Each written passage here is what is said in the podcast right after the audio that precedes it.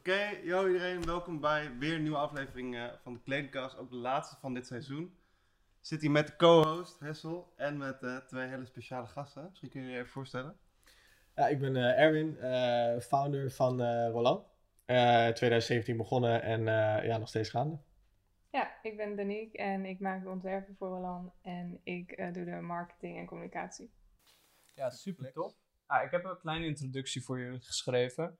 Maar ik dacht, daar heb je zelf waarschijnlijk nog best wel toepassingen aan. Want eh, de eigenaar weet het zelf het best, of course. Ehm, ja, het is alweer een driejarig bestaan, zoals u zei. 2017 eh, is Roland begonnen. En jullie zijn gewoon volledig gefocust op streetwear, maar op een duurzame weg. En wat zeker in het noorden wel eh, respectabel is. Want het, op dit moment zie je dat nog steeds niet genoeg. Ehm, eh, en in mijn mening raken jullie best wat actuele punten in het gesprek van unisex wear, eh, maar ook duurzaamheid. Ehm, ja, jullie zijn gewoon een tof jong merk wat een bewust label is. En ik ben graag benieuwd wat jullie allemaal te zeggen en wat jullie meningen zijn. Heb je daar nog iets aan eh, toe te voegen? nou, eigenlijk is dat wel een goede introductie. Ja, ik... eh applaus. Ja, goed, dan wil ik gewoon, eh, eh, gewoon heel simpel beginnen met ehm, jullie core values. Wat, waar staat Roland voor? Ja, eigenlijk eh, de drie kernwaarden die we hebben, dat is eh, dat het streetwear is. eh, zeg maar high-end streetwear. Dat is wel waar we naartoe willen, zeg maar. Ehm, we hebben in het begin wel geprobeerd om dat, dat te combineren en om dat goed op de markt te brengen. Maar dat bleek nog wel een grote uitdaging, ook in design wijze, zeg maar. Eh, maar goed, het is dus eh, inderdaad streetwear, dat het made in Holland is. Dus dat is echt, eigenlijk wel de allerbelangrijkste kernwaarde die we hebben. Want dat gaat echt over de productie. En eh, daarnaast ehm, eh, dat het eh, loose fit is. Ja, ik had, eh, ik had gelezen dat het eh, geïnspireerd was op Engelse of op Londense streetwear cultuur. Klopt. Ehm, en hoe ben je daar dan bij gekomen?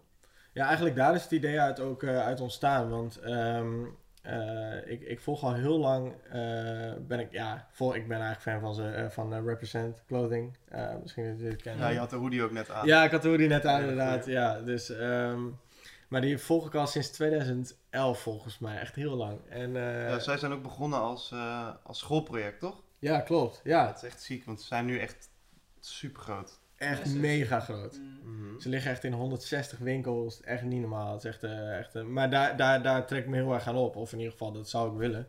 Ehm, en ehm, ja, goed, dat, dat, is, dat is eigenlijk waar het begonnen is. Van oké, eh, Represent, dat zat in Londen. Ehm, het is best wel duur. Eh, ik kan het niet betalen soms. En ik dacht van ja, er is in Nederland nog niet echt zoiets. En dan ook op een eh, goede manier geproduceerd, zeg maar. Dus daar wilde ik eigenlijk naartoe. En dat zou ik dus met Roland ook willen. En, en hoe zorgen jullie dan voor dat het juist duurzaam is? Wat zijn jullie, hoe zorg je ervoor dat die kwaliteit en duurzaamheid ook tot jullie, tot jullie punt blijft? Is dat gewoon op dat level blijft van duurzaamheid wat je probeert te bereiken? Ja, dat is vooral eh, op de productiemanier, zeg maar. Ehm, want eh, ja, we gaan gewoon op de fiets naar het atelier. Het, het zit ook in Groningen. En ehm, weet je, dat is, dat is een beetje voor ons de duurzaamheid. We kunnen zelf bepalen wanneer we wat gaan maken en, en hoe we dat gaan maken en met welke stoffen we dat doen en, en wat voor oplagen en eh, nou ja, dat soort dingen. Dat is, dat is voor ons de duurzaamheid. En bij de stoffen, hoe zoek je dan? Hoe kom je achter stoffen aan die ook duurzaam geproduceerd zijn? Of is daar de focus nog wat minder op en proberen jullie daar meer naartoe te werken? Want ik weet toevallig wel dat in productie ehm, nog best wel moeilijk is om echt duurzame stoffen te vinden. Ehm, Sowieso is het soms wel moeilijk om gewoon überhaupt 100% katoen te vinden, heb ik het idee. ja. Ja. Ja, sowieso. Maar en zeker biologisch. Ehm, kijk, het, eh, met biologisch eh, vind ik dat die ontwikkeling nog niet dusdanig is dat wij daar ons volledig op kunnen focussen. Je ziet enorm veel bedrijven die dan eh, biologisch katoen gebruiken of biologische stoffen, maakt allemaal niet uit. Maar dat ze alsnog in China produceren. Ja. En dan denk ik van ja, waar gaat het mis? Weet je wel? Op waar, waar wil je de focus op leggen? Wil je de focus leggen inderdaad op, op, op, op, op de mens die dan eerlijk eh, behandeld wordt of op ja, de stoffen die je gebruikt? Nou ja, voor ons ligt die nu eerst op eh, het productieproces. Dus eerst eh, mensen eerlijk willen betalen, mensen op een normale manier eh, willen behandelen, arbeidsomstandigheden goed. En we willen ons daarna gaan focussen op, eh, op, op de stoffen. Dus wij ont, ja, de, de ontwikkeling van die eh scene, die volgen we nauwgezet, zeg maar. Het is natuurlijk ook een, een, een proces wat je, wat je doorgaat, lijkt me. Want het- je kan niet in één keer 100% sustainable zijn, lijkt me. Ja. Eh, maar het is, gewoon, het is ook goed dat je up-to-date blijft met alle trends en zo, zodat je elke keer wat erbij kan pakken, lijkt me toch? Ja, sowieso. Want we zijn nu wel echt aan het kijken naar. eh, we zijn nu drie jaar zijn we onderweg en we zijn nu wel echt aan het kijken van oké, waar kunnen we nog eh, echt winst behalen? Nou, dat is inderdaad wel die stoffen. Ja. En daar zouden we echt nog wel eh, flinke. maar ja, goed, weet je, die stoffen die zijn natuurlijk met zo duur. Dat is echt niet Mhm. normaal. En ehm, we zijn al best wel hoog met de prijs. En ik wil nu niet zeggen van oké, we moeten ons focussen op de prijs, want uiteindelijk gaat het gewoon om het product en de prijs maakt niet uit. Maar zeker als, als, eh, als startend merk, zeg maar, wat we nog op zich nog best wel zijn, eh, ja, denk ik dat je daar wel rekening mee moet houden in je, in je klandizie, zeg maar. Ja, Ja. want uiteindelijk zouden we wel echt willen naar hennepstoffen gebruiken, zeg maar. Dat dat wel een van de beste dingen is qua sustainability. Mhm. Alleen ehm, de keuze is daar nog gewoon nog niet breed genoeg in dat wij echt daar alles van kunnen maken eigenlijk. Hm. Maar stel dat gebeurt en die ontwikkelingen gaan heel goed, dan zouden we dat echt heel graag willen. Wat, wat zijn dan eh, ontwikkelingen waar je, waar je graag naar kijkt? Heb je Ja. daar voorbeelden voor? Ja, dat zijn dus eigenlijk wel die hennepstoffen. Kijk, die, eh, de, de biologische stoffen, het enige verschil is dat er geen, geen chemicaliën worden gebruikt.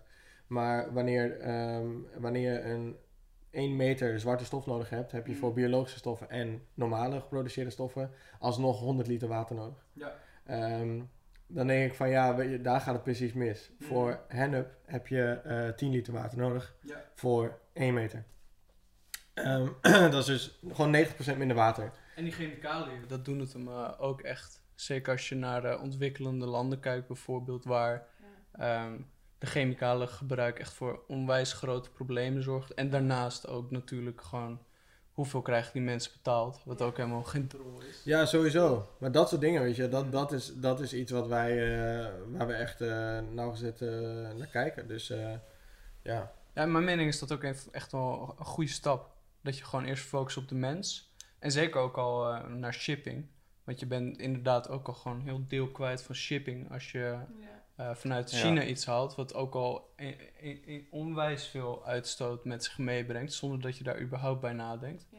Dus dat is echt al een, een tof begin. En goed dat je daar Ja. die focus al op neer. Waar ik dus laatst over na heb gedacht, is eigenlijk de, die consumerism die er is, zeg maar. Gewoon in de wereld. Heel veel dingen worden dus in China gemaakt. Dus eigenlijk heeft het hele consumerism heeft eigenlijk bijgedragen tot en de plek waar China nu is, wat ze daarmee kunnen doen, maar ook eh, ja, gewoon vervuiling, weet je wel. Dat, daar hebben we gewoon eigenlijk allemaal aan bijgedragen, puur omdat het makkelijker is voor jezelf om zeg maar egoïstisch te zijn met je aankopen dan bewust. Ja. Maar er wordt ook veel gelogen. Superveel Dus geloof er wordt heel veel gelogen in deze branche. Als je bijvoorbeeld kijkt naar waar het gemaakt is. Mm. Bijvoorbeeld kijk naar Supreme. Supreme heeft eh, eh, in het label staan Made in the USA. Maar eigenlijk is dat een hele grote leugen. Want de assembly is in de USA, maar de productie is in Mexico.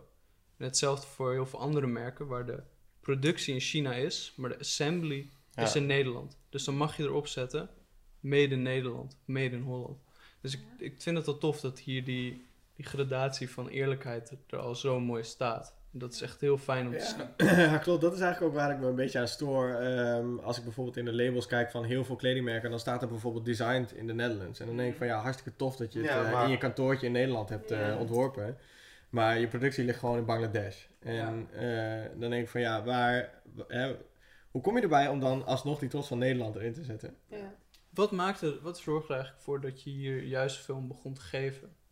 Heb je daar een punt van realisatie van, ai, oké, ik ben heel erg into represent, ik, word, ik ben heel erg into kleding op dit moment, maar ik mis die bewustwording. Kan je daar, heb je daar nog een, een herinnering van, van ah, toen begon ik me hier Dat echt was op te het, het focussen? breekpunt, zeg maar. Eh, ja, het breekpunt. eh dat eigenlijk heeft eh Danique er wel voor gezorgd dat, eh, dat ik dit echt heb doorgezet. Want ik, heb, eh, ik had echt zo, al zo lang het idee van oké, eh, ik wil iets beginnen. Hmm. Oh, ik heb dit kledingstuk, ah, ik zou dit en dit en dit daarmee doen, weet je wel. Maar ik heb nooit echt gedacht van, oh, dat kan ik ook gaan doen. Eh, en toen op een gegeven moment, toen eh, was Danique daar wel een beetje klaar mee. En toen zei ze gewoon, ja, je moet gewoon doen, weet je wel. En dus ja, toen heb ik gewoon binnen mijn netwerk gekeken. En, ehm, en, en, en toen kwamen inderdaad ook meteen eigenlijk die kernwaarden naar voren van, oké, het moet sowieso lokaal zijn. Want dat vind ik belangrijk. Ik vind dat dat gewoon gesupport moet worden. En dat dat meer, meer moet gebeuren. En eh, en zodoende is dat eigenlijk meteen vanaf de eerste dag hebben we dat, eh, hebben we dat gedaan. Heel tof. Dus eigenlijk moeten we Danique bedanken voor Roland. Shout out. En eh, je zegt het al, ehm, ehm, dat je via je netwerk ehm, hiermee bent kunnen starten. En ik denk dat dat voor heel veel mensen iets wat, iets wat, is, wat mensen vergeten. Is dat van je, je hoeft niet eens zoveel geld uit te geven in het begin. Het is, je moet gewoon zoeken naar mensen die je willen helpen. Ja, en En het draait waar- ook gewoon als je die, omdat je die support uit je, uit je omgeving hebt, weet je wel. Dat is gewoon het belangrijkste, want dan gaat het daarna organisch groeien. Of in ieder Ja. geval makkelijker. ja, sowieso. Mijn netwerk is inderdaad gewoon key. Mhm. Dat is, dat is het gewoon. eh, Zo kijk, heb ik jullie ook hier gevraagd, zeg maar, eigenlijk. Ja. Ja. wel een beetje wie hij was. En we hebben dus kennen dezelfde mensen wel een beetje. ja. Ja, maar dat is het. Dat is, gewoon, dat is inderdaad gewoon je netwerk. Dus daar ben ik inderdaad gewoon begonnen. En, en eh, ja, weet je, nu drie jaar later is het gewoon... Dat, net- dat netwerk staat er nog steeds. Ja, precies. Wordt alleen maar groter. Ja, sowieso. Ja. Ja. En, en hoe heb je dat netwerk gebruikt, als ik vraag mag? Hoe heb je, dat, eh, heb je dat opgezet? Want ik denk dat er misschien zelfs wel luisteraars of kijkers zijn die denken van... "Ai, ik, wil, ik wil ook iets doen. Ik wil ook een, eh, een, een, een merk opzetten. En ik wil het ook sustainable doen. En ik wil daar ook ehm, grote stappen in zetten voor het grotere plaatje. Hoe zou je daar, wat zou je daar voor tip in geven? Hoe, zou, hoe heb jij je netwerk gebruikt? Ja, ik heb eh, eigenlijk eh, ben ik gewoon naar de eerste beste ondernemer in mijn eh, vriendenkring eh, gegaan. En dat was ook helemaal niet in de branche. Hij zit namelijk eh, in, eh, in, eh, in de YouTube. Ehm, hij zit helemaal niet in, in deze branche. Maar ik dacht gewoon van ja, gewoon kijken van hoe heeft hij dat gedaan? En hoe heeft hij het aangepakt? En wat zijn de stappen? Ik wist helemaal niks van ondernemen. Ehm, en eh, ja, toen ben ik gewoon gaan kijken naar wie zou mij iets kunnen vertellen over hoe dat gaat met ondernemen. Ehm, en dan niet eens in die branche, maar gewoon kijken, oké, eh, eh, als je inkoop gaat doen, hoe doe je dat dan? Als je, als je nou ja, naar een netwerk gaat of als je naar een beurs gaat, wat doe je dan? Weet je wel, dat. En daar ben ik eigenlijk gewoon eh, ja, zelf op onderzoek gegaan. En ehm, eigenlijk is het inderdaad de, de key gewoon geweest dat, dat je gewoon eigenlijk één guy kent die gewoon een beetje in... Ja. En, en dan loopt het wel, weet je wel. Die, die, die kent al wel weer iemand, die kent al wel weer iemand, die, die kent al wel weer iemand. En dan, En wat is je mindset in die staat? Als je daarmee bezig bent, wat is je mindset? ja, je moet echt wel scheid hebben gewoon. Ja, durf het te vragen vooral gewoon aan iedereen. Ook al denk je van, nou, die gaat dat nooit voor me doen. Die, Ja. Nee heb je, ja kun je krijgen. Ja, maar ik denk dat het ook heel erg eh, is met, met gewoon met doorzetten, weet je wel. Want het is, ik denk dat er, als je gaat ondernemen, zijn er sowieso vet veel on- onzekerheden. Sowieso vet veel obstakels. Ehm, En kijk, je moet gewoon denken van, oké, ik ga die obstakel gaan overkomen of ik ga er eh, op, ik ga op een andere manier het oplossen. Eh, want dat is gewoon het hele ding met ondernemen, want je moet gewoon doorgaan, no matter what. En andere mensen hebben het voor jou al gedaan, dus het is eigenlijk ook wel te doen. Het is gewoon de vraag hoe. Ja, hoe graag wil je het? Ja, dat, precies. En dat is eigenlijk ook de vraag als je... Weet je, want er zijn echt wel kutdingen aan, aan gewoon ondernemen en... Belasting. Ja, ja.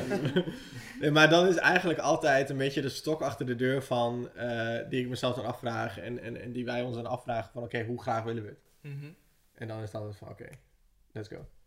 En, en uit je netwerk, ik neem aan dat ook de mensen die nu bij in dienst zijn, dat die ook uiteindelijk uit je netwerk eh, ontstaan zijn. Ja, eigenlijk wel. Maar dat is, heel, eh, dat is heel grappig, want eigenlijk zaten al die mensen niet in mijn netwerk.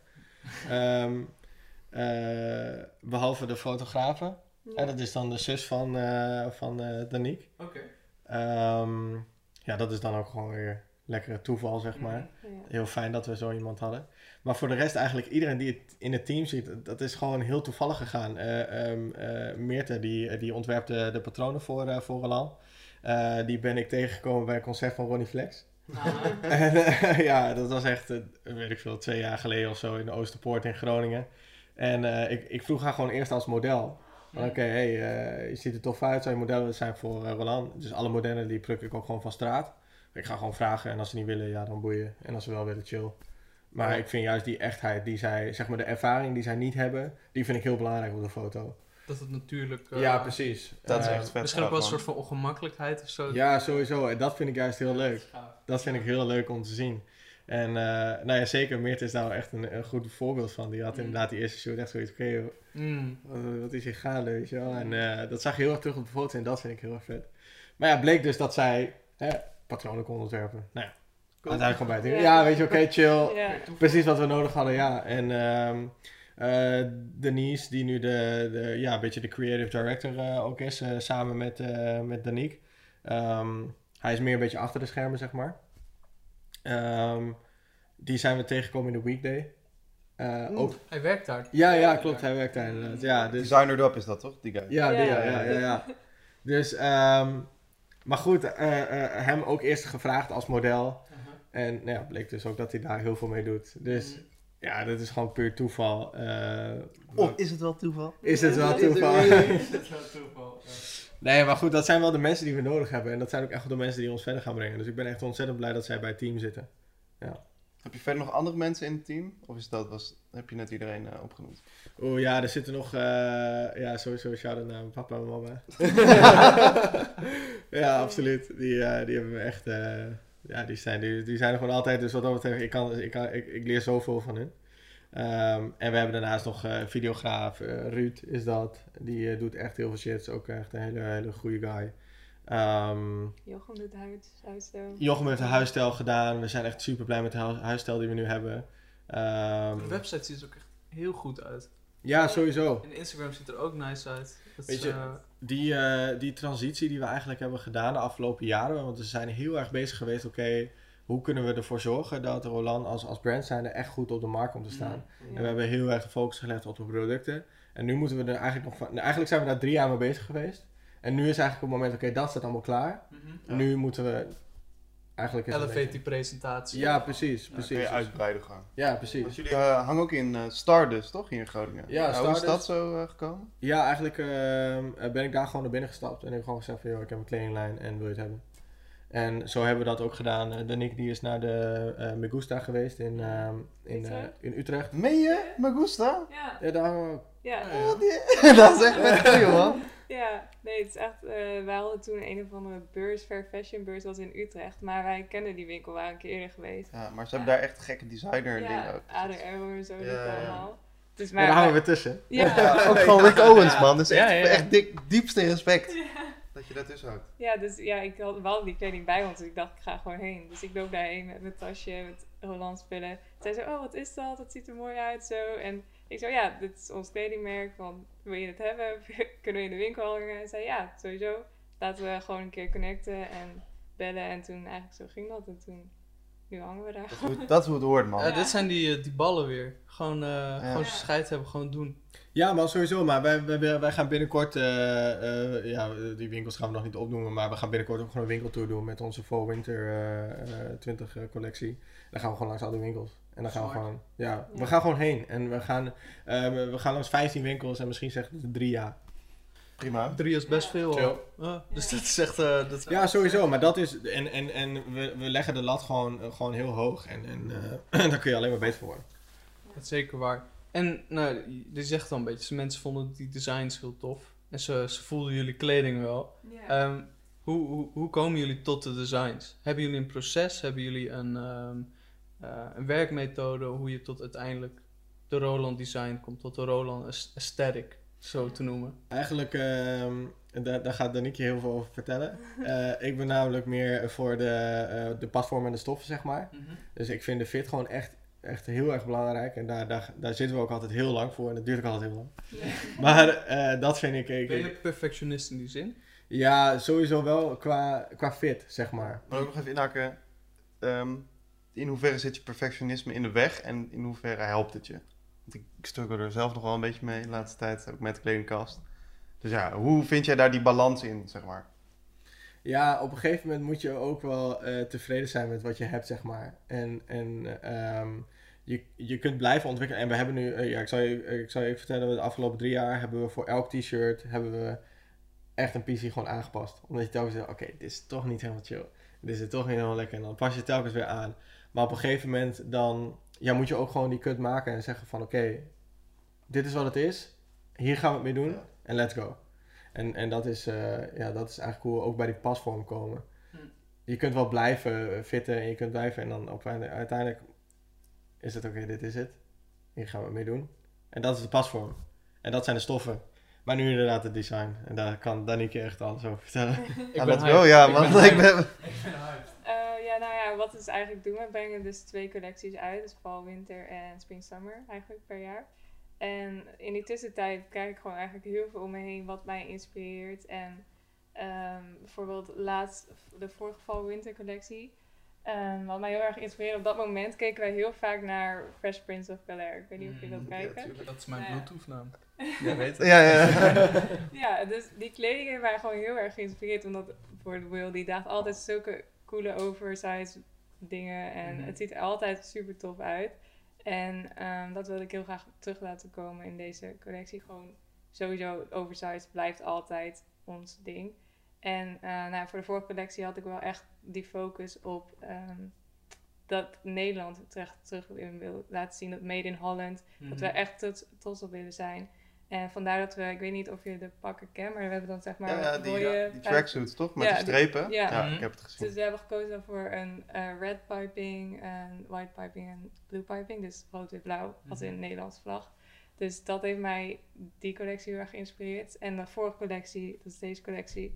ehm, dit was onze anniversary collectie. Ja, die was toch ook on demand eh, geproduceerd? Ja, dat is super gaaf. Die sandcolor vond ik echt heel nice. Samen Ja. met de shorts. Het zag er heel nice uit. Die Ja. stof zag er ook eh, goed uit. eh, Ja, uit. sowieso. Ja, sowieso. Super blij met stof. Ja. Ja. Ja, voor deze collectie hebben we dus echt gekeken naar wat was ons eerste shirt. Het allereerste shirt was gewoon een witte en een zwarte tee.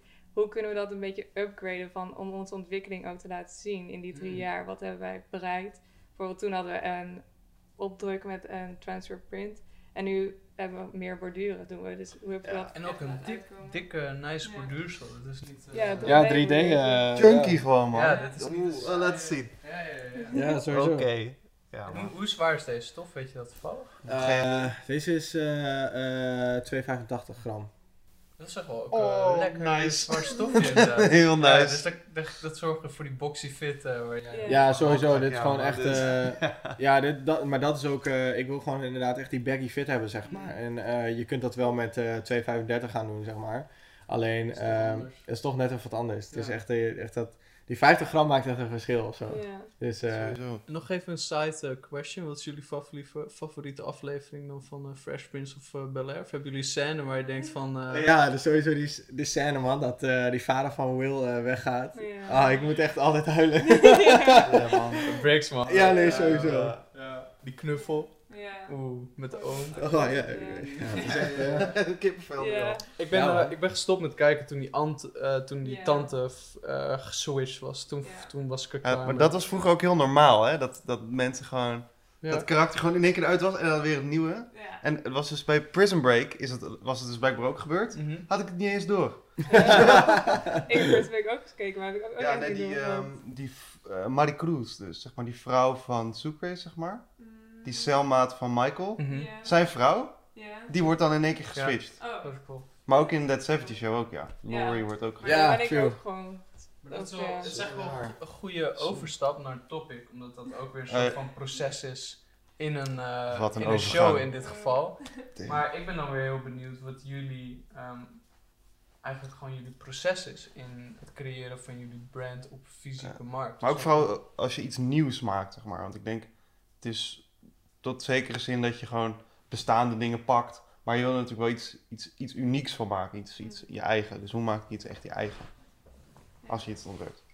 Ehm, nou ja, wat wij dus eigenlijk altijd proberen te incorporeren is onze kernwaarden. Dus dat is voor ons wel heel makkelijk eigenlijk. Want inderdaad ook met die, met die ehm, suit die we Mhm. hadden gemaakt. Hoe maak je dat je eigen... Nou, onze kernwaarden zijn made in Holland. Dus rood, wit, blauw. Dus dat soort dingen, Ja. Dat kun je dan super goed gebruiken om echt dingen van je eigen te maken. En eh, ja, dan ook met deze... Ja, kun je dat zien? Detail. ja, de, Anniversary. de, Ja, ja, de anniversary item. Ja, Dus, Gaan ja, we een foto maken? Dan plakken we hem er even in. Zo. dus- Het eh, heeft ook een beetje de, de Fear of God Yeah. aesthetic. Die, eh, die vroeger ook zo eh, Dat is aanwezig Ik weet doen, niet of... ze, doen ze nu weer, hè? dat ze- labeltje zo. Zeg maar hier, Fear of God, dat laatste. Ah. Zo- Zo'n broek en dan hi- hier zo precies ook zo'n labeltje. Want ik weet nog Ja, ze wel... stelen gewoon van jullie, man. ja, ja. ze houden ons in de gaten. Rond dezelfde tijd van eh, Represent, eh, toen dat opkwam, had je Fear of God, wat ook eh, de Jerry Ja. Lorenzo ook Klopt, steeds mee bezig was. En toen Ja. zag ik nog wel eens die witte shirts van Fear of God, die Ja, maar dat is gewoon- boxy, en dan ook met Maar dat is gewoon de, het, eh, het ding was dat het inside out eh, Ja. werd gedragen. Mhm. Snap je? Dus dan had je het label eigenlijk binnen, maar dan droeg je hem gewoon binnenstebuiten. Dus dan zat het label gewoon aan deze kant. Dat is wel een goede look. Ja, zeker een goede look. Ja, sowieso, absoluut. Maar weet je dat ook, eh, we zijn, we, het was eh, zeg maar drie jaar anniversary en we hebben er gewoon voor gekozen om dan drie logo's zeg maar op het shirt te doen. Dus hier één. En hier zit er nog eentje verstopt. En ehm, ja, dan achterop inderdaad. Dus weet je, dat, dat proberen we altijd wel. We proberen wel een verband te leggen tussen de designs die op het shirt zitten en dan ook waar, waar we nu staan. Eigenlijk altijd willen we wel echt dat er verhaal achter de, de ontwerpen zitten. Voor de volgende collectie ook. Ja, kan ik wel een beetje over vertellen? Eh PC eh, preview, ja, ja, kan wel hè. Klein, klein, niet, niet Kleine veel. sneak peek, kleine- veel. Kleine sneak peek. Ja. nou ja, voor de volgende collectie ben ik eigenlijk echt geïnspireerd gera- geraakt in ehm, nou, hoe wij als onze generatie is nu echt bezig met de volgende stap maken van we gaan allemaal aan het werk, we gaan allemaal ons eigen ding beginnen. Mhm. En vooral wij, of in onze scene, zijn we eigenlijk, we willen alles behalve gewoon in een kantoor werken, gewoon die Ja, ja, 9-to-5 job, weet je wel. Dus ik ben echt naar gekeken van, oké, we dragen allemaal streetwear, maar wat kunnen we wel een beetje dragen van wat we wel ook naar werk kunnen dragen, dat soort dingen. Dus we gaan sowieso pakken maken, dat wordt heel vet. Ja, oké. Ja, ja, ja, ja. Maar dan dus wel streetwear pakken, zeg maar. Ja. En eh, ja, ik heb het ook een beetje in de print gecorporeerd in een paar hoodies die we gaan maken van... eh, ja, die, die, die mensen, ik kan het wel een beetje vertellen. Nee. Zeg maar, mensen die echt in een office werken, 9 to 5. Dat worden ook wel cube monkeys genoemd. Die, weet je wel, die Aha. werken in zo'n Ja, cubicle. ja, ja, ja. Dus nou ja, dat vond ik een coole tekst. Dus dat is dan ook weer geïncorporeerd in de designs. En Dat is Klinkt in ieder leuk. geval Ja, wel dat alsof jullie weten wat jullie aan het doen zijn. Ja. Dus dat is sowieso heel nice. Dit heeft ook een beetje het Bonnesoet idee. Ja, klopt. Ja, De- true. De, de, Ja. de business suit voor Ja, maar dat- everyday eh, wear. De- die, dat thema van coming of age, zeg maar, is wel gewoon heel... Ik voel dat heel erg. Ja. Ja. Ja, weet je, we, we, we hebben zoveel eh, lokale eh, ondernemers om ons heen. En we zijn echt aan het kijken van, nou ja, hoe moeten we die, hoe gaan die dressen, zeg maar. Maar Je audience, je audience groeit ook mee. Dus het is wel Ja, het is precies. ook een hele slimme stap. eh, Of zo, dat denk ik dan gelijk over na. Dat je audience wordt ouder, die gaat waarschijnlijk ook iets doen. Die willen ook wat serieuze kleding. En daar is Roland die dat gelijk pakt. Ja. Ja, Dat is precies. heel gaaf. Ja, ja. En hoe vertaal je, want het is allemaal heel mooi om dit in woorden, en wij kunnen hier het er nu over hebben, waardoor het voor ons heel duidelijk wordt, omdat jullie het gewoon mooi vertalen naar ons. Maar hoe vertaal je dit digitaal? Hoe zorg je Ja. ervoor dat Rolands kenmerken, de waarden, Goeie eh, vraag, man. de zijn, dus het zijn van Roland, hoe vertaal je dat digitaal? Ja, daar is eh, Denise dus vooral heel goed in. Hij maakt echt onze content en hij, is gewoon, hij ziet gewoon heel goed wat wij willen en wat wij uitstralen. En hij kan het heel goed vertalen in beeld. En hij weet, eh, hij is zelf eigenlijk ook de doelgroep. Dus hij weet heel goed wat zou hij willen zien van een merk, weet je wel. En dat proberen we eigenlijk uit te stralen. En ook gewoon uit te stralen wat je wil zijn. Ook al ben je het nog niet, misschien. Maar gewoon... Fake it till you make it. Ja, ja eigenlijk wel. Goeie. Ja. Oké, maar dan eh, heb ik de volgende vraag voor jullie. Kijk, het merk, het groeit natuurlijk. Er komen ook andere verantwoordelijkheden bij. Eh, zoals sociale verantwoordelijkheden, dus met alle sociale bewegingen eh, die nu aan de gang zijn. Dus hoe kijk je daar tegenaan, zeg maar, om... Wat is jouw verantwoordelijk... Wat vind je zelf dat je verantwoordelijkheid is als merk voor de maatschappij? Nou ja, sowieso het, eh, het, deel van eh, dat we de, de, de productie en, en, en milieu en, en, en, en mens dat gewoon op een fatsoenlijke manier willen supporten, zeg maar. Ja. Dus wij willen gewoon, als we het shirt aantrekken of als we, als we producten aan het designen zijn, willen we gewoon trots op zijn dat we dat hebben gemaakt. En niet toch in ons achterhoofd moeten hebben van oké, snap je? Eh, we, zijn nu, we hebben nu een product, oké, dit is niet helemaal chill, maar dit is wel nice. Ja. Wij willen gewoon dat alles gewoon in het plaatje past van oké, ehm, we zijn een brand dat dit en dit support, zeg maar. Het klinkt heel erg alsof je moreel heel erg bewust bent. Ja, sowieso. Maar dat, dat vind ik ook echt heel belangrijk. En ik vind het ook, ik stoor me er mateloos aan. Dat, dat, en daar word ik echt eh, ook gewoon een beetje getriggerd. Nee, maar ja, Ja, ik word echt getriggerd daarvan. Dan eh, weet je van ehm, onze hele Instagram feed staat vol met gesponsorde berichten van kledinglijnen die net zijn begonnen. En die dan zeggen van joh, we zijn de next big thing. En eh, dan hebben ze hun shit in Bangladesh geproduceerd. En dan denk ik van joh, bro, hoe kan je, hoe kan je trots zijn op een product waarvan je weet dat het door een kind is gemaakt? Mm. Of, of weet ik veel dat de arbeidsomstandigheden gewoon echt wack zijn. Mm. Dan denk ik van, joh, hoe kun je dat shirt aandoen? Zal ik je een goed verhaal vertellen? Of het is een heel zielig verhaal eigenlijk. Over productie in Bangladesh. In Bangladesh, zeker voor katoen, wordt heel veel ehm, chemicaliën, we hadden het net ook al, wordt heel veel chemicaliën gebruikt. Deze chemicaliën zorgen ook weer voor allemaal ziektes en problemen met de mens daarin. Ehm, deze chemicaliën is om het katoen schoon te houden en zorgen dat er niks in komt. Wat gebeurt? Deze mensen worden ziek en die hebben medicijnen nodig. En deze medicijnen worden door hetzelfde bedrijf gemaakt als die ook die chemicaliën maakt. Daarnaast is het land waar deze mensen op werken ook niet meer van hun, maar ook van hetzelfde bedrijf. Dus deze hele productiegarde, al deze mensen zitten basically op slot. Ja. waar ze gewoon, wonen, een, ja, het is gewoon een paradox waar je in zit, zeg maar. Ze kunnen niet verder, ze worden ziek en het zelfmoordgehalte is ook onwijs Ja, hoog En ze bij moeten boeren. werken dan, lijkt me. Ja, het is echt een hele gefukte situatie. Ja. Dus ik snap heel goed dat je daar getriggerd van Ja, wordt. Want als, het- ik heb precies hetzelfde. Als ik dit soort shit zie, dan kan ik daar echt boos van worden. Nou, Erwin, ik zal je vertellen, ik ben ook getriggerd, man. Ik, eh, ja, het is- Dit is, ja, maar dat is goed. Het is ja, goed dat man. je... Maar kijk, wat ik net al zei is, het is ik, ben er, ik ben er bewust van. En ik denk dat wij met z'n allen wel bewust van zijn. Er zijn nog genoeg mensen die er wel bewust van zijn. Of niet bewust van zijn, maar er gewoon geen fuck om geven. Nee, sowieso. Maar weet je, het is ook gewoon... ehm, hè, je, eh, ik, eh, wij wonen bij de Westerhaven in, in Groningen. Daar staat een, echt een bizar grote Primark. En... eh Vast your seatbelts. Maar, nee, maar de Primark ehm, is natuurlijk hotspot voor... Ja, gewoon goedkope kleding en, en goedkope productie. En inderdaad gewoon kinderarbeid en al dat soort shit.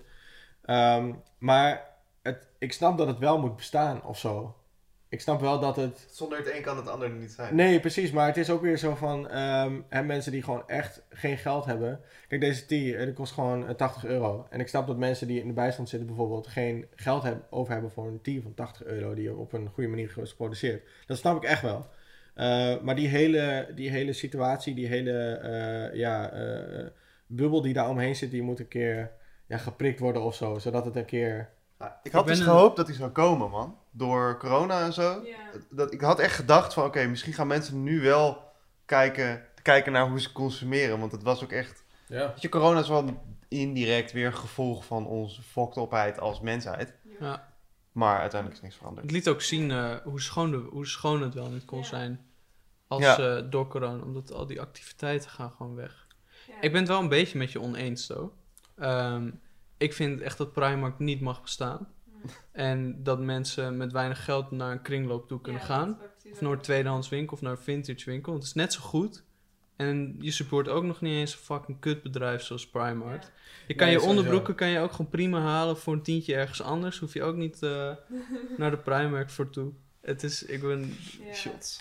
Nee, nee, sowieso. Maar dat is het ook. En ik, ik, ik- ben het er ook niet mee eens. En de Primark moet, eh, moet- ja, moet per direct dicht of zo, weet je wel. Daar, daar ben ik het ook sowieso mee eens. Maar het is meer van, ik snap dat het, ik snap dat het eerst. Dat bedoel ik. Ik ben wel met die consciousness. Daar, ik zou heel graag willen dat mensen daar gewoon heen gaan. Van oké, het is prima als je tweedehands iets haalt. Ja. Sowieso, deze broek is ook gewoon tweedehands. 2 euro. Deze ook. Wat? 2 euro. Nee, maar Ja. ik bedoel, dat is toch, dat is toch de shit, weet je wel. En, dan, en dan, Dat is ook veel mooier als je zeg maar... Kijk, ik ga liever een dag zeg maar vintage gems zoeken... Mhm. dan een dag zeg maar naar, naar fast fashion. Zeg maar kijken van, oh, dit is wat, precies wat iedereen heeft. Dit is weer een spijkerbroek. Ja. Dan heb ik veel liever een kledingstuk met een verhaal. Of dat, ehm, dat goedkoop is. Of gewoon met gekke pasvorm wat je niet ziet, weet je wel, in de high street. Of alle drie, weet je wel. ja, zo, ja, precies. En je voelt het gelijk. Ja, man. Die H&M thrill, is, die thrill is veel groter. Ja, maar ook letterlijk. vindt. Aan de stof, je voelt gewoon gelijk aan. Deze broek die ga ik eh, twee weken mee dragen. En dan zie je kapot of Ja. sowieso, ja. En dan is hij nice. Maar vooral het verhaal inderdaad, dat vind ik het leukste. Toevallig zag ik gisteren een post van de Stardust dat zij een, een, een tasje hadden gevonden in Berlijn. Eh, en die hadden ze ook bij een vintage winkel eh, gekocht. En daar zat nog een bonnetje in van een skivakantie van iemand van 1981. Ja. Weet je wel, dus dat tasje heeft gewoon echt een verhaal. Oké, wat is Ja, daar allemaal... maar- Hoe komt dat tasje in... Berlijn. Ja. Eh, nu in Stardust. En nu in de Stardust in Groningen? Weet je wel, dan, dan denk ik van oké, dat is inderdaad... eh, dat is het vet van kleding, Ja. eigenlijk. Ja, man. En, en hoe is, hoe is want je- zoals, we- zoals nu al meerdere malen bekend gemaakt, jullie bestaan al drie jaar. Gefeliciteerd. What? En hoe is deze markt veranderd in drie jaar sinds Roland is gestart? Heb je daar, heb je daar iets in gezien? Valt je daar iets in op? In fast fashion misschien, misschien zie je al dat hele bewustwording daarvan steeds groter wordt. Of in koopgedrag. Of in, misschien wel in stijl in het algemeen. stijl verandert natuurlijk ook best veel door de jaren Online kan ook hoe het online is veranderd. Mhm. Ja, nou ja, laten we beginnen inderdaad bij, bij, bij de winkels. Eh, ik, ik zie wel dat steeds meer winkels zich eh, bewust worden van eh, wat voor merken ze nou echt in, in, eh, in, in de winkel hebben hangen. En eh, bijvoorbeeld eh, laatst liepen we door de Bijenkorf en daar zagen we dan een, een, een label hangen met, met een bij erop, zeg maar. En, en dat betekende dan dat, dat het dan goed was voor mens, milieu en, en dieren, zeg maar. En weet je, dat soort dingen. Dat, die, ik denk dat de tendens van sustainability en, en kleding, dat dat er echt wel aan zit te komen. Alleen die ontwikkeling duurt gewoon echt heel erg lang. Maar ook zoals met Gucci, dat ze nu nog maar twee drops per jaar gaan doen. Dat is Mhm. ook echt een zieke ontwikkeling die wij ook heel graag stimuleren. Want als je dat soort dingen doet, dan natuurlijk dan, eh, gaat het fast fashion natuurlijk veel minder... Wordt, gaat eigenlijk gewoon weg, hopelijk, uiteindelijk. Het zou heel fijn zijn. Dat is ook wat wij doen. Gewoon twee drops per jaar. Want je hebt ook eigenlijk helemaal niet meer nodig. Je hoeft niet elke week een nieuw t-shirt te hebben of een nieuw broek. Het staat gewoon helemaal nergens op. Dus het is beter om te investeren in een paar echt goede items die gewoon meegaan en lang blijven. En ik denk dat dat, dus door brands als Gucci die dat gaan doen en dat laten zien dat het ook zo kan, dat ik denk dat het wel wat meer actueel wordt nu steeds. Dat hoop ik. Kopen jullie dan ook dingen met de intentie, om het, nou niet de intentie misschien, maar met de gedachte van oké, dit zou nog kunnen verkopen? Bijvoorbeeld als je iets in een vintage winkel koopt, of misschien op, eh, ja, laten we zeggen op Grailed of op Facebook, in een Facebookgroep of zo. Eh, dat je iets koopt en dat je dan denkt van oké, maar als ik het niet meer wil, zou ik het nog wel kunnen doorverkopen. Doen jullie dat ook? Of is het meer van, Eh, nee, wij doneren eigenlijk. oh dat is ook flexibel. Ja, wij eh, we hebben laatst echt onze hele kledingkast uitgepeld. Ja. En eh, we hebben er nu echt nog maar, ja, gewoon een paar items er gewoon in liggen die we gewoon echt vaak dragen. We dachten ook van ja, we willen, we willen ook gewoon de items eruit halen die we voor zeg maar 80% dragen. We willen gewoon echt alleen de items erin hebben die we gewoon voor fully 100% supporten. En eh, de rest hebben we gewoon gedoneerd aan, eh, aan de kringloop. Dus eh what's, what's in? Oh, oké. Ga naartoe, je hebt ja. kleding daar nu. Nee, maar dat, Als kledingkast, als deze aflevering dropt, alles weg. ja, ja, alles weg daar. Nee, maar weet je, we vinden daar ook wel echt van die hidden gems en eh eh Laat- die, die Gucci laarzen. ja. Gucci voor 10 euro. ja. Stuur. Ja. Heel gaaf. Ja. Ja, we hebben er echt fan van wat in een kringloop. Dat heeft ons trouwens ook wel een beetje geïnspireerd. Maar gewoon dat je dan inderdaad weer die kleding kan vinden die jouw ouders bijvoorbeeld vroeger droegen toen Mm. zij net deze leeftijd hadden. Sowieso is het ook gewoon nice om iets bij je ouders uit de kast te plukken, man. Ja. Dat is ook gewoon vet gaaf. Ja, Ja. helemaal voor. Of bij je, over, bij je grootouders ja, ook ja, ook nice. helemaal voor. Hè, opa-stijl boy, Ja, ja. zeker weten. Ja. En hoe is de stijl dan veranderd eh, in deze drie jaar? Misschien van Roland, maar ook gewoon wat mensen dragen. We hebben het een beetje over gehad dat jullie nu evolueren naar een pak. Ja. Ja, ja. Hoe, hoe, hoe is die stijl in, binnen Roland veranderd? Jullie hebben natuurlijk vast wel een lijn gewoon gehouden van dit is de, de stijl die wij, die wij eh, deze space inheren wij. Mhm. Maar ik neem wel dat daar gewoon proces in is. Ja, sowieso. We zijn wel echt heel erg op zoek geweest van, oké, wat, wat voor kleding maken we eigenlijk? En wat, eh, wat, wat brengen we op de markt? En eh, ja, we zijn nu eigenlijk wel bij het punt aangekomen dat we echt gewoon de, de high-end streetwear willen pakken. Dus eerst hadden we zeg maar een beetje de, ja, de, Skate, ja, een beetje skate inderdaad, Ja. skate, eh, streetwear, maar daar willen we toch wel vanaf. Ehm daar zijn we nu ook wel vanaf, denk ik. Hoop ik, ja. Ja, nou ja, Ja. die Zo ontwikkeling. lijkt het in ieder geval wel. Die, Ja. voor Dat gevoel krijg ik wel van dat jullie op die high-end streetwear zijn nu. Mm. Ja, nou ja, dat, dat, weet je, dat is belangrijk. Dus het is goed dat je dat zegt, want dat is wel eh, wat, wat we uiteindelijk onze goal is gewoon. Ja. Flex man. Ja. Nou, dan heb ik nu mijn favoriete vraag. Wij komen alle drie uit hetzelfde mooie plekje in Nederland. En dat is? Ja, dat is... eh, 0591. ja, man. Ja man, Emmen in Drenthe. Emmen is niet de meest vooruitstrevende plek qua fashion, denk ik. Ja, ja, denk ik. Nou, weet ik. en, Daar ehm, gaat onze fanbase van Emma. Ja, oh nee jongens. Alle twee mensen die... Of niet eens, de half. Nee, maar ehm, ik denk dat heel veel mensen die kijken en luisteren ook wel een beetje hetzelfde ervaren. Dat soms is het best wel moeilijk om bepaalde kleding te dragen, omdat je sociale omgeving daar dan heel erg eh, op tegen Oh, is. ja, Of Dat sowieso. ze, of dat ze het niet begrijpen. In ieder geval, je krijgt gewoon reacties die niet heel erg leuk zijn. Ja. Hoe ga je daarmee om? Bro, ik heb zo vaak eh, meegemaakt dat ik gewoon over straat liep en dat ik dan eh, iemand eh, wel of met uitgaan. Maakt het niet uit. Je komt ze overal tegen en dan was het zo van, ah, ben je homo of zo? En nee, ja, kom op man, weet je. Dat klinkt ook wel Ja, lekker dat is echt Ja. Drents. Lekker Was je toevallig in Casino Veen? Nee, nee, nee, nee, nee, RLD toch? Ja. nee, maar ja, Rietlanden. Nee, maar ehm, weet je, daar, eh, ja, daar had je niet echt inderdaad echt die boer. Maar ik heb wel op het Carmel College gezeten. Oh, echt? Ik ook Ja, dus eh, weet je, daar zat ik wel echt met, eh nou ja, de Christine Veen, Zwarte Meer. Ik bedoel, echt, sowieso prima lui. Ik heb echt wel gewoon een chille tijd aan gehad of zo. Maar ja, ik, ik was toen wel al met, een beetje met kleding bezig of zo. En, en ehm, Je wordt gelijk een beetje die grond ingedrukt. hè? ja, sowieso. Het past niet in hun, in hun kaders, zeg maar. Dus die, die, die kaders voor hen die liggen heel ergens anders. Is anders, dus het is raar. Ja, het- Ja. precies dat inderdaad. Als je Dus, het niet begrijpt, dan kan je er eigenlijk alleen maar op haten in zo'n... ja, sowieso. Eigenlijk dat Jammer. inderdaad. Dus dat is, eh, ja, ze, inderdaad, gewoon heel snel gewoon gejudged van... Ja. Maar hoe ga je daarmee om? Dus hoe, hoe los je dat op voor jezelf? Ja, weet je, eh, op het begin had ik daar echt wel moeite mee. En eh, ja, weet je, om gewoon een beetje persoonlijke shit of zo. Ik dacht al op een gegeven moment ook echt van, ja, ben ik het ook echt of zo? Mm. Omdat zoveel mensen tegen je, tegen je zeiden, weet je. Er was gewoon echt 15, 20 mensen hebben gewoon tegen je gezegd van, joh, eh, weet je, val je op mannen?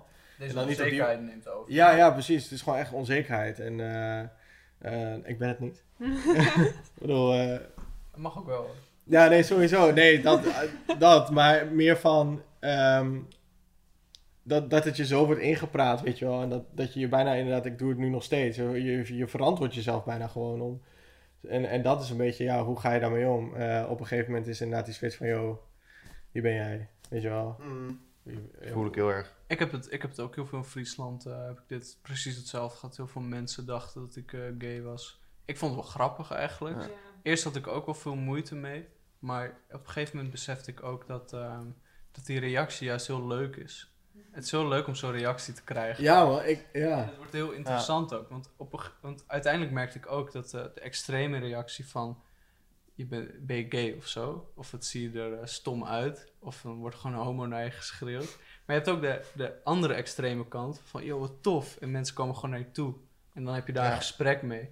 En dan praat je over Dat is ook weer kleding. nice, ja. En ik vind het juist zo mooi dat je die, dat je die beide kanten opeens heel goed meelijft. Je krijgt echt een hele positieve krijg je Ja, mee als je ja, excentriek ja. kan kleden. Of gewoon voornamelijk heel erg jezelf kan kleden.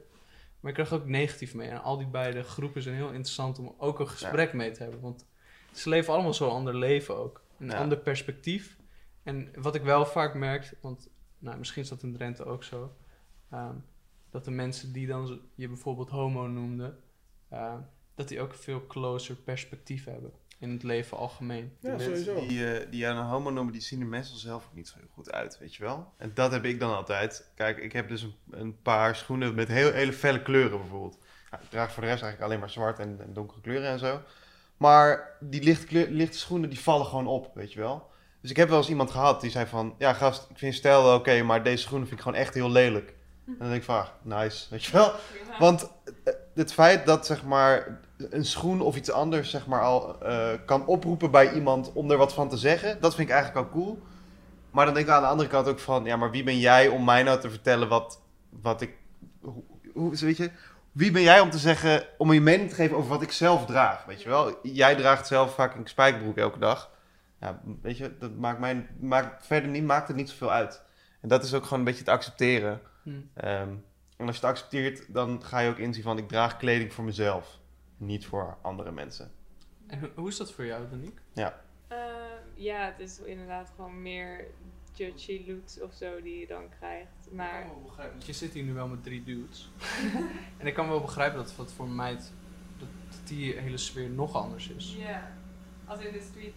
Gewoon als in kleding in het Ja, algemeen. maar ook wel misschien wel in streetwear hoor. Want In streetwear is best wel veel gatekeeping en zo. Dat mensen Mm. nog een beetje denken van oké, je bent het of je bent het niet, weet je wel. Ja. Ja, het is voor mij inderdaad toen vroeger dan was het meer gewoon dat mensen je gewoon heel judgy aankeken. Van die meiden die dan zo kijken. Denk, eerst vond ik dat ook heel kut en zo. En ik was ook best wel onzeker daarover. Maar nu denk ik, eigenlijk zie ik het ook wel meer als een compliment nu. Omdat ze dan, ze kijken wel naar je en ze zien, je Mm. ziet er dus anders uit. Dus nou ja, laat ze maar kijken. Of laat maar, over je, laat maar dat ze over me praten. Het maakt me ook eigenlijk niet zoveel meer uit. Want ik vind het mooi. En ja, als zij hun kleding mooi vinden, dan moeten zij daar toch ook blij mee zijn met wat zij dragen. En ik vind mijn kleding mooi. Ik draag het niet voor iemand anders. Ik draag gewoon voor mezelf, mijn kleding. Dus ja, eigenlijk moet je dat eigenlijk gewoon altijd denken van... Oké, maar doe je het voor jezelf of voor die mensen die je raar aankijken? Voor jezelf. Dus Hoe zou, hoe zou je eh, iemand overtuigen om eh, een eigen stijl aan te nemen? Eh, nou, ik- ja, ik snap het überhaupt niet. Voor ons is het gewoon heel natuurlijk om je eigen stijl Ja. te hebben, zeg maar. Maar het is wel een ontwikkeling die doorgaat. Hè? Want als je Ja. kijkt naar... Kijk, want jullie bestaan nu drie jaar. Hè?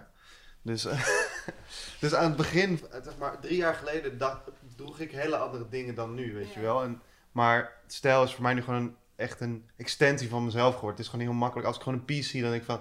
Dit is het of dit is het niet, weet je wel. Ja.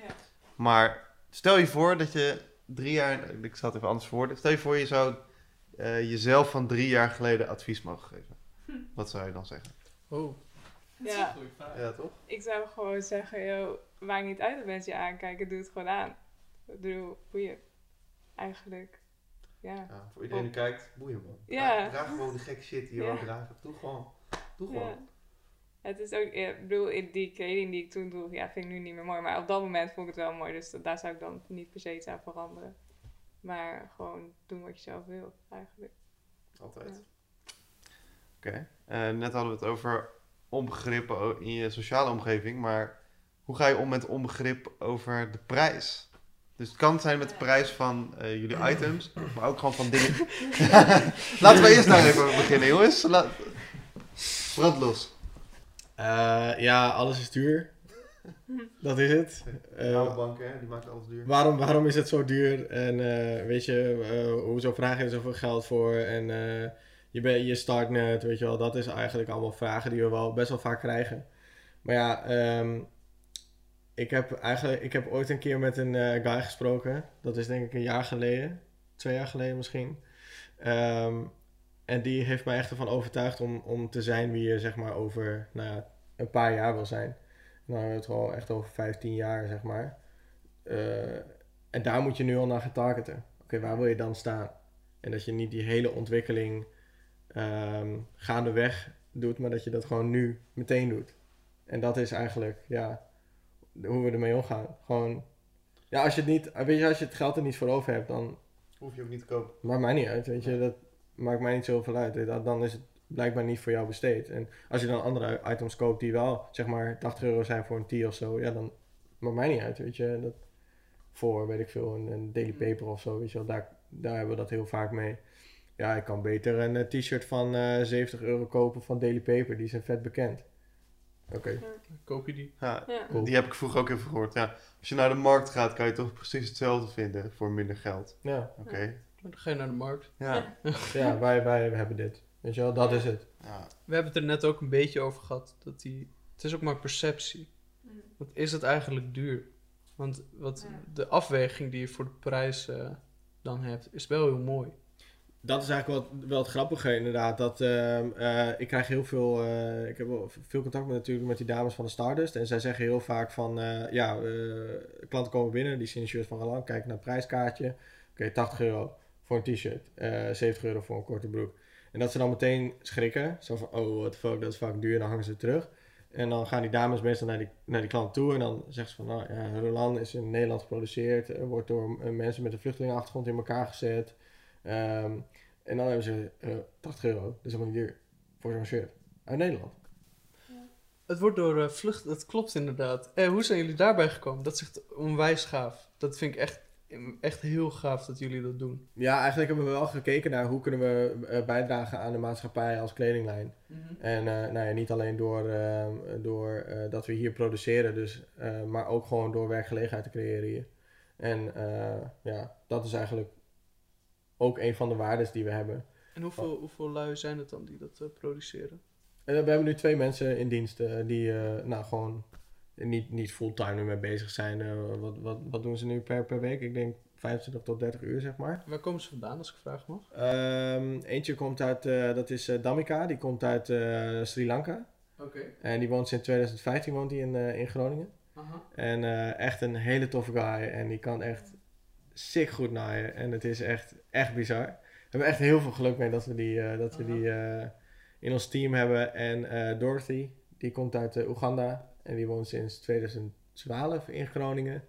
En eh, ze hebben allebei de opleiding gedaan in, ehm in eh, Leeuwarden. En, Manufactschool. ja, modevakschool. Ja, Ja. modevakschool. En ehm, die hebben ze allebei echt eh, binnen twee jaar afgerond, terwijl daar drie jaar voor staat. Dus het zijn echt talentvolle mensen en supergoed. En een andere, ja, een andere manier waarop we ook eigenlijk wel invloed willen maken dus, ehm, op die streetwear scene is dat we dat zelf ook willen aanbieden aan alle merken. Dat zij bij ons kunnen produceren. Dus eh, dat, wat wij heel erg tegenaan liepen op het begin was van... Je kan er wel in Nederland produceren, maar dan moet je minstens 100 oplagers hebben of zo. En dat is gewoon voor een beginnend merk eigenlijk niet te doen. Dus wat wij willen is het echt wat stimuleren dat het ook hier kan. Doen jullie dan eh, per stuk? Of per badge? Hoe... Ja, eigenlijk ligt dat heel erg aan. Kijk, als je over een jas bijvoorbeeld drie uur doet, oh, over een hele moeilijke jas, weet ik veel, ik zeg het Ja. maar. Eh, weet je, dan kun je wel gewoon één of twee stuks laten maken, want daar ben je dan wel vrij lang mee bezig. En een t-shirt, eh, ja, die zetten we met eh nou, een kwartier, 20 minuten zeg maar in elkaar. Ja. Dus ja, dan moeten we ongeveer nou, 10 tot 15 shirts. Maar dat is echt minimum. ja. En wordt die stof dan ook, moet, moet de, de koper, laten we maar zeggen, moet hij dan zelf de stof aanleveren? Of regelen jullie de stof? Hoe moet ik dat Eigenlijk, eh, eigenlijk loopt dat heel uiteen. Eh, eh, de ene kledinglijn die is al begonnen en die zijn al 4, 5 jaar onderweg en die hebben hun eigen stof al. Dus dan kunnen ze meenemen en dan kunnen ze bij ons laten produceren. Ja. Maar andere kledinglijnen die hebben zoiets van, oké, wij weten niet waar we moeten beginnen. Ehm regelen jullie die stoffen maar en dan doen wij de ontwerpen. Nou oké, chill, dan kopen wij gewoon stoffen in. En dan kunnen we gewoon op sample dagen, zeg maar, nou ja. ja, het lijkt me echt gaaf om eh, bij jullie wat te laten maken. Want ik heb wel dingetjes liggen. Ja, sowieso, kom langs. Ja, ja sowieso. De kansen, de kansen die komen gewoon bij mij aan de deur, zeg maar, weet je wel. Dus, eh, Ja, nou ja, chill is, weet je, en, en dat, dat, dat is de, weet je, de fijne service die we gewoon bieden, is eh, met sample dagen zijn we een keer acht uur bezig. En, eh, en dan heb je gewoon, binnen één dag heb je je hele sample. Terwijl als je dat in Bangladesh laat maken of China, ben je vier ja, want dan maanden gaat het heen en weer. En dan heb je ook nog de taalbarrière. Ja. Want Dat, een ja. vriend van mij, ehm, Anthony heet hij, komt uit Duitsland, maakt echt super gave dingen. Hij had een blazer gemaakt van neopreen. En dan met een dubbele laag aan één kant en met allemaal ritsen. En ook met custom hardware ook nog op de rits. Dus heel gaaf. Nice. Alleen hij had zijn productie in Italië. En dan had hij, kreeg hij weer een sample terug. En was het sample weer niet goed, kon hij het weer terugsturen. Ja. Nou, en dan gaat er zo weer een paar weken overheen of zo. En Ja, sowieso. ja, dat is niet echt heel ideaal als Nee, je een maar- merk begint. En dat is precies inderdaad waar wij tegenaan liepen. Van oké, we willen iets, iets starten, we willen het lokaal doen, maar er is gewoon niks. En er is ook gewoon echt niks. Wij zijn, wij zijn letterlijk het enige atelier in, in Noord-Nederland dat... Ja, maar Noord-Nederland is sowieso nog best wel, loopt best wel achter met ja, cultuur. Het is gewoon jong. Ja. Het is, eh, jong. Ja, sowieso. Maar dat is wel een, een, een eh, gat waar wij nu eh, zeg maar gewoon in willen springen. Oké, we die... eh, Slim ook, heel slim. Ja, we willen gewoon... Dat willen we gewoon ervoor zorgen dat die mogelijkheid er is voor andere mensen. Ja. Om ook iets te starten en dan met lage oplages. Dus dat je niet 50 of 100 shirts moet bestellen. Want ja, meestal als je begint is het budget niet heel hoog. Dat snappen wij. Nou, dan willen we gewoon supporten. Oké, ehm, nou ik denk de, sta de staat van fast fashion hebben we het net al gewoon over gehad. is gewoon fucked up. Kan Ehm, ja, kan altijd hè. Ehm, nou, hoe ziet dan een ideale wereld van consumptie er voor jou uit? Nou, eigenlijk, voor eh, is dat, eigenlijk is dat een beetje wel wat we laatst hebben gedaan. We hebben de hele kleding, eh, kledingkast eh, gewoon leeggemaakt. En dan gewoon maar, ja. Met een K, met een K. Met elkaar, met elkaar. Maar die hebben we gewoon helemaal leeggemaakt en eh, gewoon gekeken, oké, wat zijn er inderdaad eh, de echte, de echte go-to items die we, die we hebben. Ehm, en eh, wat mij betreft koop je per jaar vier hoodies. Zal En, en, en, en koop je, eh, weet ik veel, drie t-shirts. En koop je twee broeken per seizoen of zo. Want ja, winterbroek is natuurlijk wel anders dan een zomerbroek. Eh, koop je twee korte broeken en eigenlijk that's it. En dat, en dat, en dus als je, als je zeg maar, normaal koop je misschien, weet ik veel, normaal koop je 12 hoodies, koop je nu 4. Mm. ja. Normaal koop je 16 t-shirts, koop je nu 5. Maar als je voor hetzelfde geld, zeg maar, betere kwaliteit kan halen, ja, voor mij is dat dan een no-brainer. Maar ik denk dat sommige mensen liever meer hebben, weet je wel? Maar dat is die, inderdaad die consumerism Ja. gewoon, weet je. Dat eh, mensen willen gewoon meer, meer, meer en voor de laagste prijs. Ja, want het Voor, is... voor, voor mij lijkt is dan juist die relatie een heel mooi idee. Dat je gewoon, je koopt een bepaald stuk en dan bijvoorbeeld koop je de items die een waarde heel erg behouden. Dan ben je er weer klaar mee en dan verkoop je hem weer. En dan kan je zo weer nieuw. En heeft het ding Ja. nog steeds een leven. Dan heb Ja. jij weer iets nieuws, Ja. waardoor je die... Maar het punt is ook dat eh, als je, als je ehm, stel je bent niet echt heel erg into fashion en je wil gewoon kleren hebben, dan stel je gaat naar een, een high street winkel en je koopt iets, dan krijg je wel, dan weet je niet wat voor gratification je uiteindelijk zou kunnen krijgen als je iets anders koopt. Dan ben je gewoon alleen maar gewend van, oké, ik koop een broek voor 30 euro. En dan ben je dan al heel blij mee, want je hebt een nieuwe broek. Mhm. Sowieso is het ook super nice om nieuwe dingen te hebben, maar het kan veel beter dan dat. Je moet ook beseffen dat niet iedereen bezig is met fashion. En dat ze ook Nee. gewoon zoiets. Vervelend is dat, hè? Ik denk altijd van... Als, ik ben zelf ook het probleem, zeg maar. Ik verwacht altijd van mensen dat ze best wel... Dat ze bewust zijn, maar dat is een beetje self-reference, weet je wel. Omdat je, je Ja, kijkt vanuit je eigen ogen. Maar vet is- biased. Ja. Maar je hoeft, niet met bewust, je hoeft niet met kleding bezig te zijn om bewust te zijn. Nee, dat klopt. Dat is Maar- ook weer zo, ja. Ja. Ja, ja. Ik denk uiteindelijk ben je evenveel geld kwijt als je al die items de hele tijd koopt. Of inderdaad vier items en dan echt iets nice hebt waar je lang iets aan hebt. Zeggen, het is heel erg korte termijn denken. Ja, en dat is wel een dat groot is- probleem. ja. Je wil gewoon niet gelijk 80 euro uitgeven. Dat Nee. wil je gewoon over een jaar doen. Ja, precies. Bij de H&M dan, voor een of andere Ja, reden. ja, precies. Ah, wat heb je dan ook eh, aanraders verder voor eh, bewust consumeren? De kast leegmaken. Ik heb wel echt een leegmaken. kringloop, ja. Ik zou echt naar Kringloop? een kringloop gaan. Ik bedoel, ja. Ik, sommige mensen hebben een beetje het stigma eroverheen van, oh, dat is voor mensen met weinig geld of zo. Maar dat is dus helemaal niet zo. Het is toch juist leuk als jij je kleding daar weer kan verkopen en dan iemand anders kleding weer koopt. En eigenlijk is er ook helemaal geen nieuwe kleding Kringloop nodig. is super vet. Ja, Kan, als je een theepot nodig hebt of zo, kan je ook gaan naar kringloop. Ja. ja. Gewoon alles. En gewoon goede prijzen inderdaad. Dus als je, ik bedoel, we zijn allemaal studenten. We hebben niet altijd 80 euro klaar liggen voor een hoodie. Dus als je wat minder geld hebt, ga je gewoon naar de kringloop, toch? Heb je ook wat eh, kringloop aanraders? In Groningen? Hm? Ja, wij gaan dus heel Gewoon veel eh, naar... eh, everywhere, maakt niet uit welke je kent. Ja. Nou, wij gaan in Groningen heel vaak dus naar What's In en Stichting Fairback. Maar dat is ook heel veel Mhm. meubels. Ja, ons hele, hele huis is trouwens ook door de kringloop ingericht. Is dat bij, de, is dat bij Diamantlaan? Eh Ulgersmaweg. Oh, Hoogstwaardig. Ja. En eh, nou ja, je hebt natuurlijk Stardust hier. Mama Mini. Mamma Mia. ja. Komen we niet echt voor kleding? Nee. Ah, je hebt die bij de Helpman. Daar ging ik dan altijd naartoe. Toen, Ah, ja. toen ik nog in Groningen woonde, ging ik die bij de Helpman, eh, Mm. bij de Mama Ja. Mini. En daar hadden ze twee. Eentje voor meubels en kleding en één volledig aan kleding. Ja. Dat is ook wel, Dat is een goede dat pieces is ook wel daar. een goede. Ja. inderdaad. Ja. Nou ja, je moet gaan zoeken, maar... Ja. Ja, ja. Gewoon af en toe even heen en eh, Ja, kijken of wat... eh, ja. In Leeuwarden heb je ook nog een hele leuke. Die is achter het station. Ik zou niet weten hoe die heet op dit moment. Maar er zit ook nog wel een grappige. Heb je dan ook tips voor tijdens het shoppen? Of hebben jullie tips? Oeh, eh... Want ik vind het altijd vet in- intimiderend als ik zeg maar voor zo'n rek sta. Dan zie ik allemaal centimeters of zo Ja. van kleding. Zo allemaal kleine stukjes. En hoe, hoe kies je dan het goede ding uit?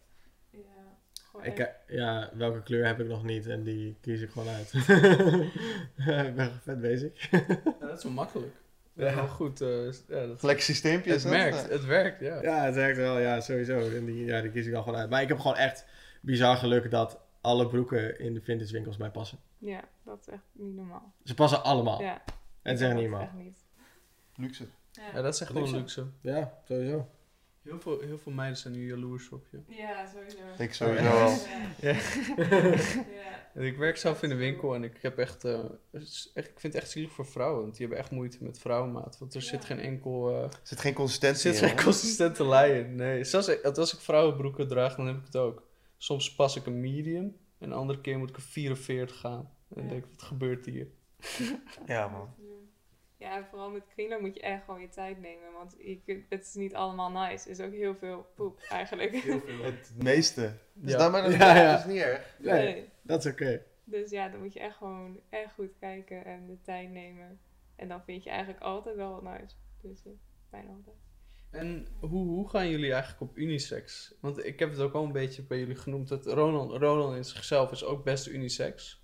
Ehm, en hoe, hoe kijken jullie daarnaar? Want daar is ook best wel een grote evolutie in. Hoe dat nu mannen dragen rokken. Ja. Hakken worden weer helemaal in bij mannen. Make-up. Drag culture is heel erg gaande op dit moment. Felle kleuren bij mannen. Pastelkleuren. Hoe kijken jullie daarnaar? Tassen. Vergeet dat. Tassen, handtassen. Oh ja, fuck. eh hey, wacht. Oh, ja, dit is... Oké, oké. nu wordt het spannend. Ja, het is Oké. Ja hoor. Oké. Het lijkt ook een beetje op Dit is gewoon een vrouwentasje, weet je. Ja, Ik, ja, ja. is gewoon, ja, dat maakt mij niks uit. Ik doe hem gewoon om. Ik heb bijna precies dezelfde. Echt. Ook een Maar is gevonden op deze, station. waarvan is deze? Ja, Ja, De, de- ja, de episode in eh, Ah, ja. Amsterdam. Mm. Ja, of Den Haag. Ja. Ja, Maar, ehm, nee man, ja, maar dat is het gewoon. Ik, ik, ik, eh, ik heb inderdaad ook al gewoon vrouwen dingen gehad. Alleen, ja, ik ben best wel groot, dus bij mij... Maar ja, shout-out naar Unisex, man. Ja, Ja. sowieso. Weet je, wij supporten dat eh, echt vet hard. En ik vind het alleen maar dope als die, ja, als die twee werelden gewoon samenkomen. Ik denk dat het een natuurlijke ontwikkeling is. Dat het gewoon... Het wordt allemaal geaccepteerd. En het wordt ook geaccepteerd dat je juist uniek bent, toch? ja. Sowieso. ja. En waar kunnen wij jou, jullie nou eigenlijk vinden? Ik weet het toevallig. Per toeval weet ik waar ik jullie kan vinden op Instagram. Sowieso in de beschrijving, jongens. Dat is zeker waar. Maar gewoon Roland Clothing. Op Instagram is het. Ja, true. Eh, en ook op Facebook volgens mij. Klopt. En de website is ook zelfs Roland Clothing. Alles is Damn, wat branding on point. Hoor? Ja, Ik zou zeggen, ga checken. Ja, Ja, ja, ja. ja. En in de ja. Ja, sowieso. En in de winkels, ja. binnenkort overal. Binnenkort hopelijk meer. Ja. Ik ben benieuwd. Jullie gaan ook weer langs winkels in Amsterdam? ja Amsterdam, eh, Den Haag, eh, Rotterdam, Eindhoven. Het is Utrecht. Zelfs de cashier bij de kruidvat. Ik ga beter om je.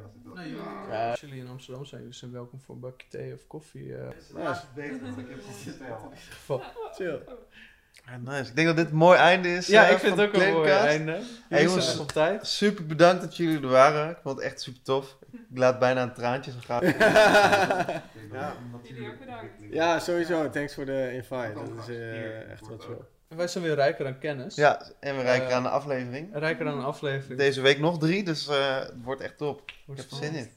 Super bedankt.